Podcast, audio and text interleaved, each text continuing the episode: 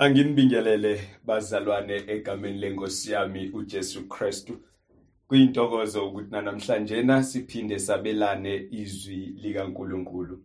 Namhlanje na ke sizondla imphefumulo yethu ngezwi likaNkuluNkulu encwadini yamaHubo 146.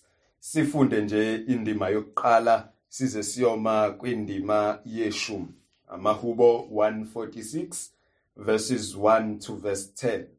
Eh, egameni lika Jesu. Kodwa ke singakafundi ake sikhuleke egameni lika Jesu. Baba wethu ongcwele yise wenkosi yethu Jesu mdali wezulu nomhlaba. Baba wethu onamandla onke uNkulunkulu wethu ophilayo siyakubonga ngethuba siyakubonga ngesikhathi inkosi yami osinika sona ukuba nanamuhla siphinde sizwe izwi lakho. Baba wethu ongcwele sisondela kuwe ke mnini mandla onke mqalisi. Nomphelelisi wezinto zonke. uNkulunkulu wethu onamandla onke yithi singabantwana bakho sifisa Nkosi yami ukukuzwa ukhulumisana nathi. Uyakwazi konke Nkosi yami esihlangabezana nayo yazazi impilo be it social problems. uNkulunkulu wethu onamandla spiritual problems. uNkulunkulu wethu onamandla physical problems. uNkulunkulu wethu ongcwele siyathandaza. Egameni lika Jesu ukuthi ngenelela kuzona zonke izinkinga baba wethu ongcwele abangcwele bakho ababhekene nazo. Baba wethu onamandla onke thatha udumo nangalesi sikhathi uNkulunkulu wethu ongcwele sisalungele ukuzwa phinda ngosiyami ukukhuluma ngondlela echachile sikuzwe uNkulunkulu wethu ongcwele. Sithi ngosiyami impela wena ukhulumile nezimpilo zethu wasivuselela wasiyala wasiqondisa wasifundisa. Khuluma ke kahle namhlanje ngoKristu Jesu inkosi yethu siyazinikela kuwe. Namanje kuze kube kuphakade amen.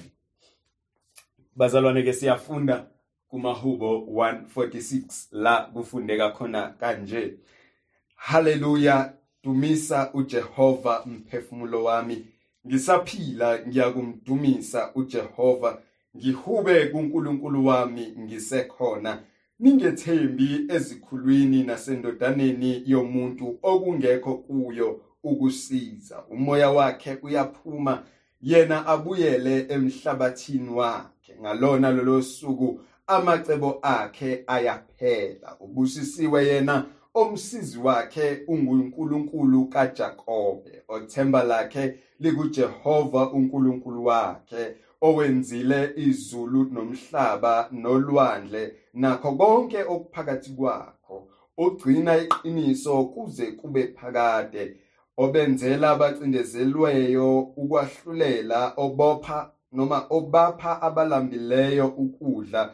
uJehova uyakhulula iziboshwa. uJehova uyenza ukuba izimpumputhe zibone. uJehova uyavusa abathotshisiweyo uJehova uyathanda abalungileyo. uJehova uyalondoloza abafokazi. Uyaphasa intandane nomfelokazi.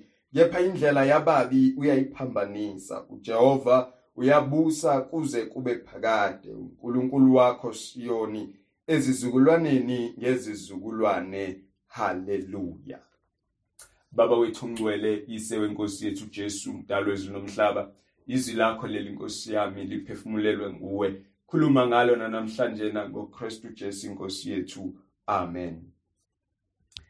Bazalwane la esifunde khona sifunda elinye lamahubo. Eh la sifunda khona umbhali waleli hubo eh ubheke kuye uma eqala indaba. Uthi haleluya dumisa uJehova mphefumulo wami. Ihubo ke leli ebeliculwa endlini liculwa ethempelini noma liculwa endaweni yokumkhonza mabehlangene abangcwele bemkhonza uNkulunkulu kodwa leli hubo bazalwane futhi liyaphinda linoma livuselela futhi liphinde lifakaze. Uma umuzwa lo umbhali waleli hubo uthi haleluya dumisa uJehova mphefumulo wami. Ugxilile kuye kakhulu. Ingathithi uyazi ukuthi inhloso ngqangi noma eh into ayidalelweyo yena uNkulunkulu ukuba adumise uNkulunkulu. Inhloso yokuba bekhona noma phile lemhlabeni ukuthi adumise uNkulunkulu athokoze ngaye kuze kube phakade ingakho meliqala leli culo athi dumisa uNkulunkulu mphefumulo wami. Uthi ngisaphila ngiyakumdumisa uJehova ngihube kuNkulunkulu wami ngisekhona.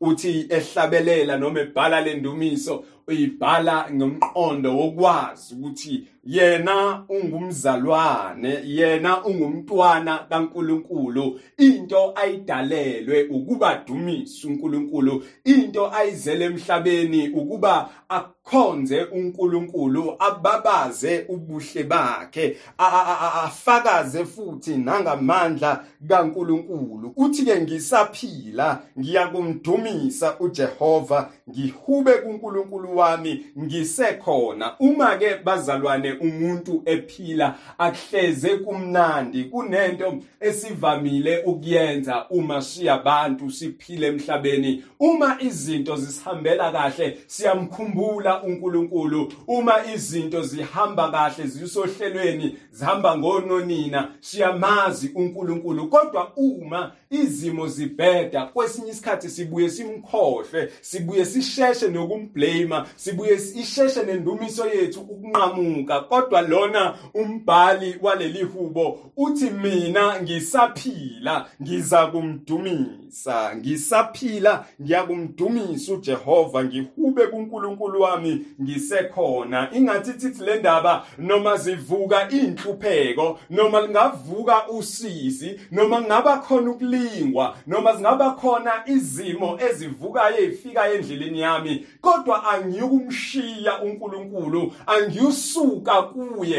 kodwa ngiyonamathela kuye kakhulu ngisekhona ngiyakumdumisa uNkulunkulu. Namhlanje na bengifise ngazuthi besingathola uhlobo lamakholwa obelizothatha lesinqumo sokudumisa uNkulunkulu esaphila umuntu ekuyizinto zonke zihamba kahle esaphila umuntu azikhethele athi noma ngaphila isikhathi esingakanani kodwa kusukela manje na ngiphila impilo yokumdumisa uNkulunkulu. Ngabe ngimncane? Kuyoze kube sekugugeni? Ngabe ngiyaguga kuyoze kube sekufeni? Kodwa ngisaphila indumiso yami ayizusuka emlonyeni wami. Kodwa ngizomdumisa uNkulunkulu. Angizomdumisa njengeindebe zomlomo kuphela. Kodwa ngizomdumisa nangenkambo nangezenzo. Ngisaphila ngiyakumdumisa uJehova. Ngihube kuNkulunkulu wami ngisekhona ngisenamandla okwenza lokhu ngizakwenza ngifuna ukuze kufike lesikhathi sokuthi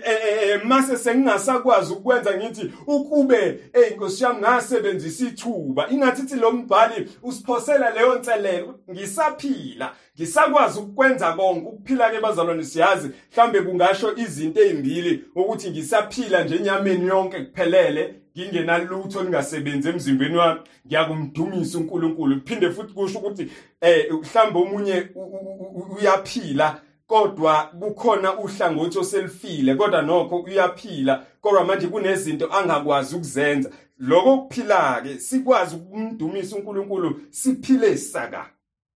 Ngisaphila saka. Ngiza kumdumisa uNkulunkulu angizulinda ukuthi kuze kube khona okwenzakalayo kumina kuyikhathi ngimdumisa uNkulunkulu. Kodwa phezukwalokho noma phezukwalamazwi esawakhuluma lombhali esafakaza noma esasho ukuthi yena uyakumdumisa uNkulunkulu. Lombhali futhi ushintsha ifocus. Ingathi ukhumbula ukuthi kuleli bandla hamba nalo kunabantu abathembele emakhosini. Uma ebheka leli bandla ahamba nalo ingathithi kunabantu abathembele ebantwini. Kunabantu ababeke amathemba abo ezintweni ezibhubhayo athi umpostoli ngelinye ilanga nazi ukuthi anihlengwanga ekuhambeni kwenu okuyize. Enakwamkela koyihlo ezintweni ezibhubhayo isiliva negolide.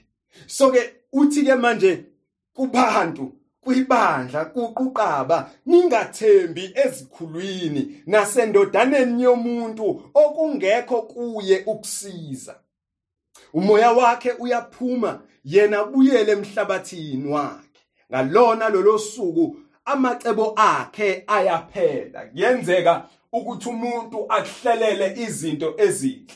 Kuyenzeka ukuthi umuntu akhulumele izinto ezinhle afise ukukwenzela kona afise ukupha konke angakupha kona futhi mhlawumbe akunikeze. Kodwa uthi lo mbhali ningabekike amathemba kulabo bantu ningathathi amathemba enu niwanikeze amakhosi noma amakhosana ngoba umuntu uyadlula umphefumulo wakhe uyaphela namacebo onke umuntu akade nawo namaplan wonke umuntu asekudayisele wona uthi ayashabalala aphele ngaleso sikhathi. Uma ke uthathe ithemba lakho walibeka kulowo muntu kusho ukuthi uma kade seyinhlelweni zokukusiza ngendlela thize lowo muntu ngeke asakhona ngoba sekadlulile. Uthi ke lo mbhali themba kunalokho uNkulunkulu ungathembi kumuntu ofayo ungathembi entweni edlulayo. Beka ithemba lakho kuNkulunkulu noma izinto zimi kanjani? Ningathembi ezikhulwini nasendodaneni yomuntu okungekho kuye ukusiza. Ayikho insindiso.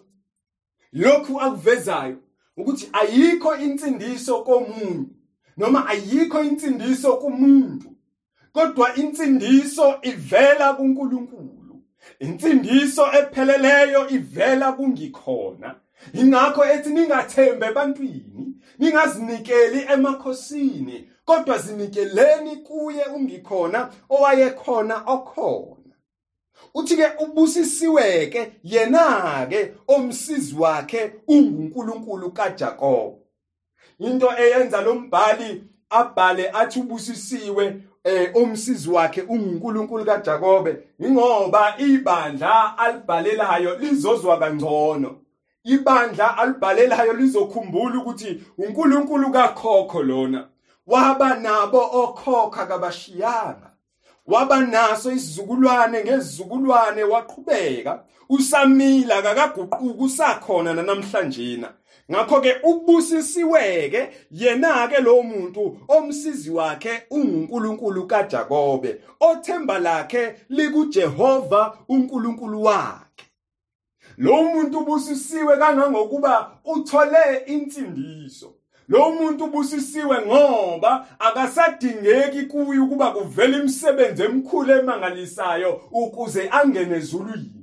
Ha kodwa ngomusa kaNkuluNkulu usekwazi ukungena phela abazalwane asihleli la inguna phakade. Phela abazalwane asakhile lana kodwa siyadlula. So blessed are those abathembele kuNkulunkulu ngoba uma bethembele enkosini ithemba labo aliyukubola ithemba labo aliyukunquma ithemba labo limile eh, inguna phakade. Ngoba bathembe kuNkulunkulu ongumenzi wezinto zonke osithembisile ukuthi namanje masiphila sizophinda sidlule kulomhlaba kube khona enye impilo. Ngakho ke labo abamethembayo bayakuphila kwaphakade kuze kube kuphakade.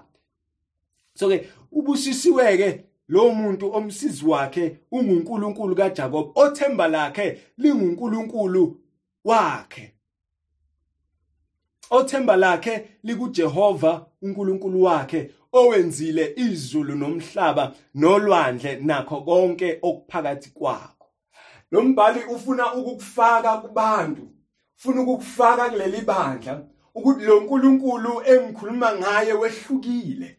Lo nkulunkulu engikhuluma ngaye ubathatha ubabuyisela kuGenesis chapter 1 ukuthi lo nkulunkulu engikhuluma ngaye odalile izulu nomhlaba nolwandle nako konke okukho uyababuyisela ubabuyisela kuNkulunkulu engumenzi uthi ngikubabusisiwe othemba labo linguJehova okuyena odalile zonke izinto okuyena akuvelanga lutho engekho okuyena owenza ukuthi kuqhamuke konke. So babusisiwe ke labo abazothembela kuye. Lo mbhali uqale ubuka impilo yakhe.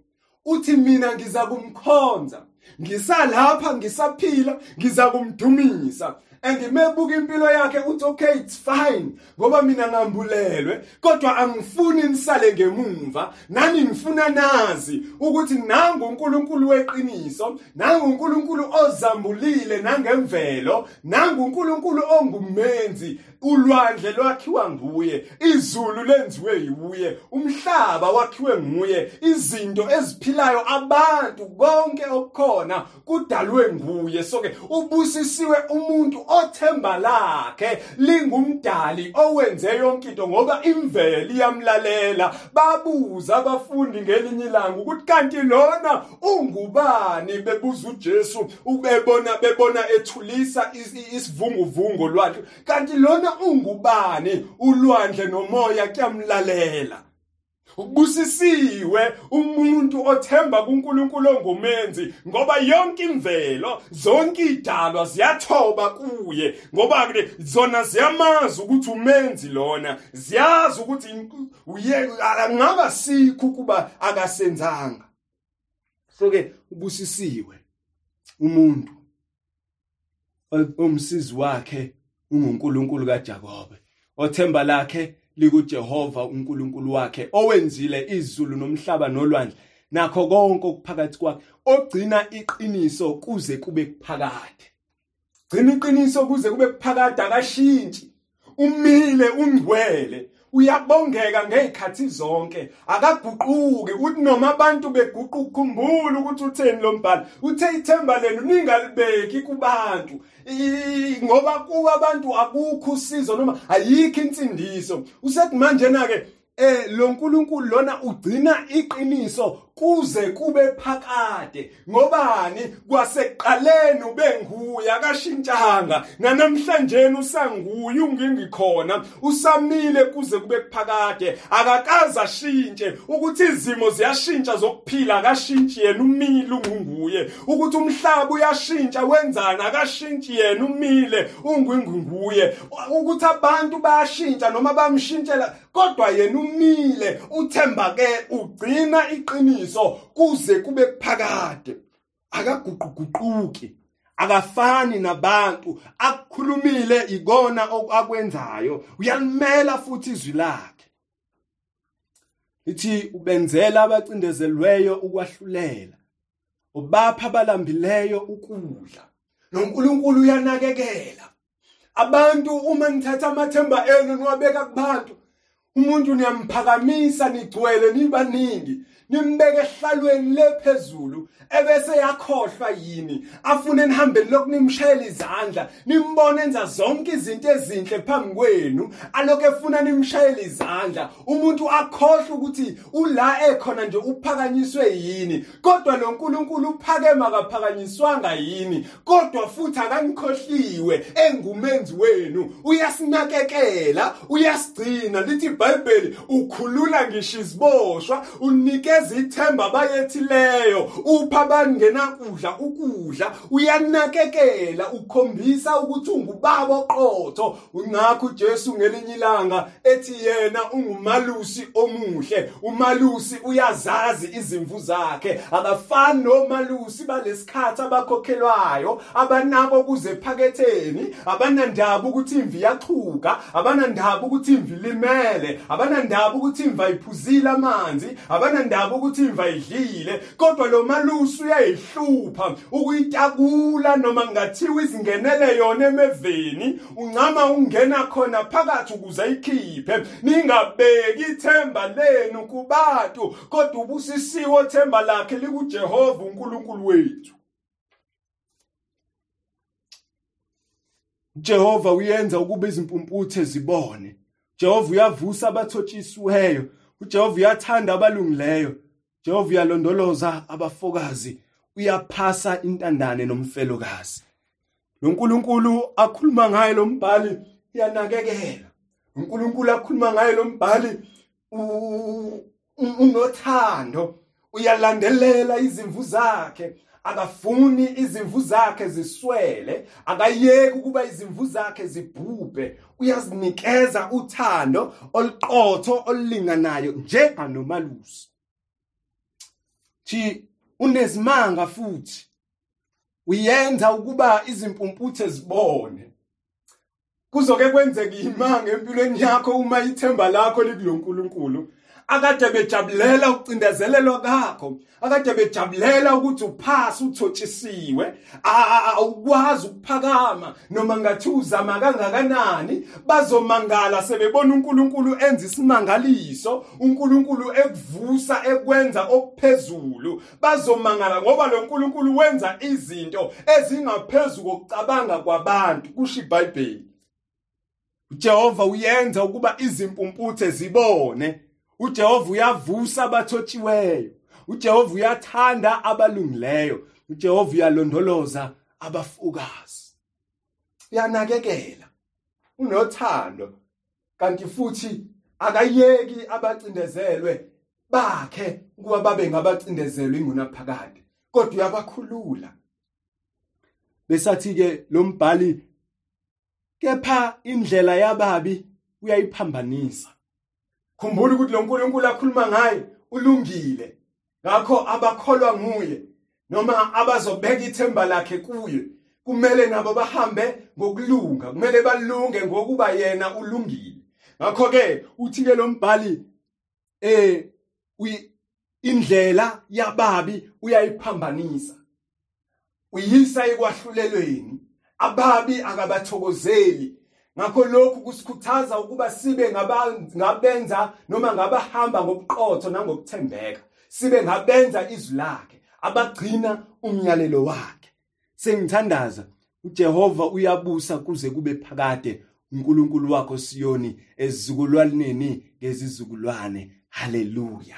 Mdumiseni uNkulunkulu ngoba uyabusa. Bekani ithemba lakhe kuNkulunkulu ithemba lenu kuNkulunkulu ngokuba uyabusa kuze kube kuphakade. Abantu bayabhubha abantu bayadlula izikhuli zombuso ziyaphela abantu bayaswela abantu bayaphakama kusasa bathotshiswe kodwa ungikhona umile uphakeme wayekhona izolo usakhona namhlanje na uyakuba khona nakusasa. Uphakeme waphakama usayokuphakama uyinkosi uyabusa wabusa usayokubusa futhi kwaphakade kuze kube kuphakade. Akayikushintsha umile njalo. Ngakho thathani ithemba lenu nilibeke kuNkulunkulu weqiniso. Nimdumise emhlabeni nisaphila. Nimdumise isikhathi sisavuma. Nimdumise ngeinsuku zonke. Nangu uNkulunkulu lombhala akhuluma ngaye athi mina ngiza kumdumisa mdumisa uJehova mphefumulo wami. Aphinde futhi abheke kwibandla. Athi mdumiseni ngokuba unomusa ngokuba unothando ngokuba akabayise kwahluleleni abacingazelweyo ngokuba akajabuli ngokwenza kwenu okubi kodwa uyathokoza ngokuziphatha kwenu okuhle. Uyathokoza ngokuzinikela kwenu enkosini.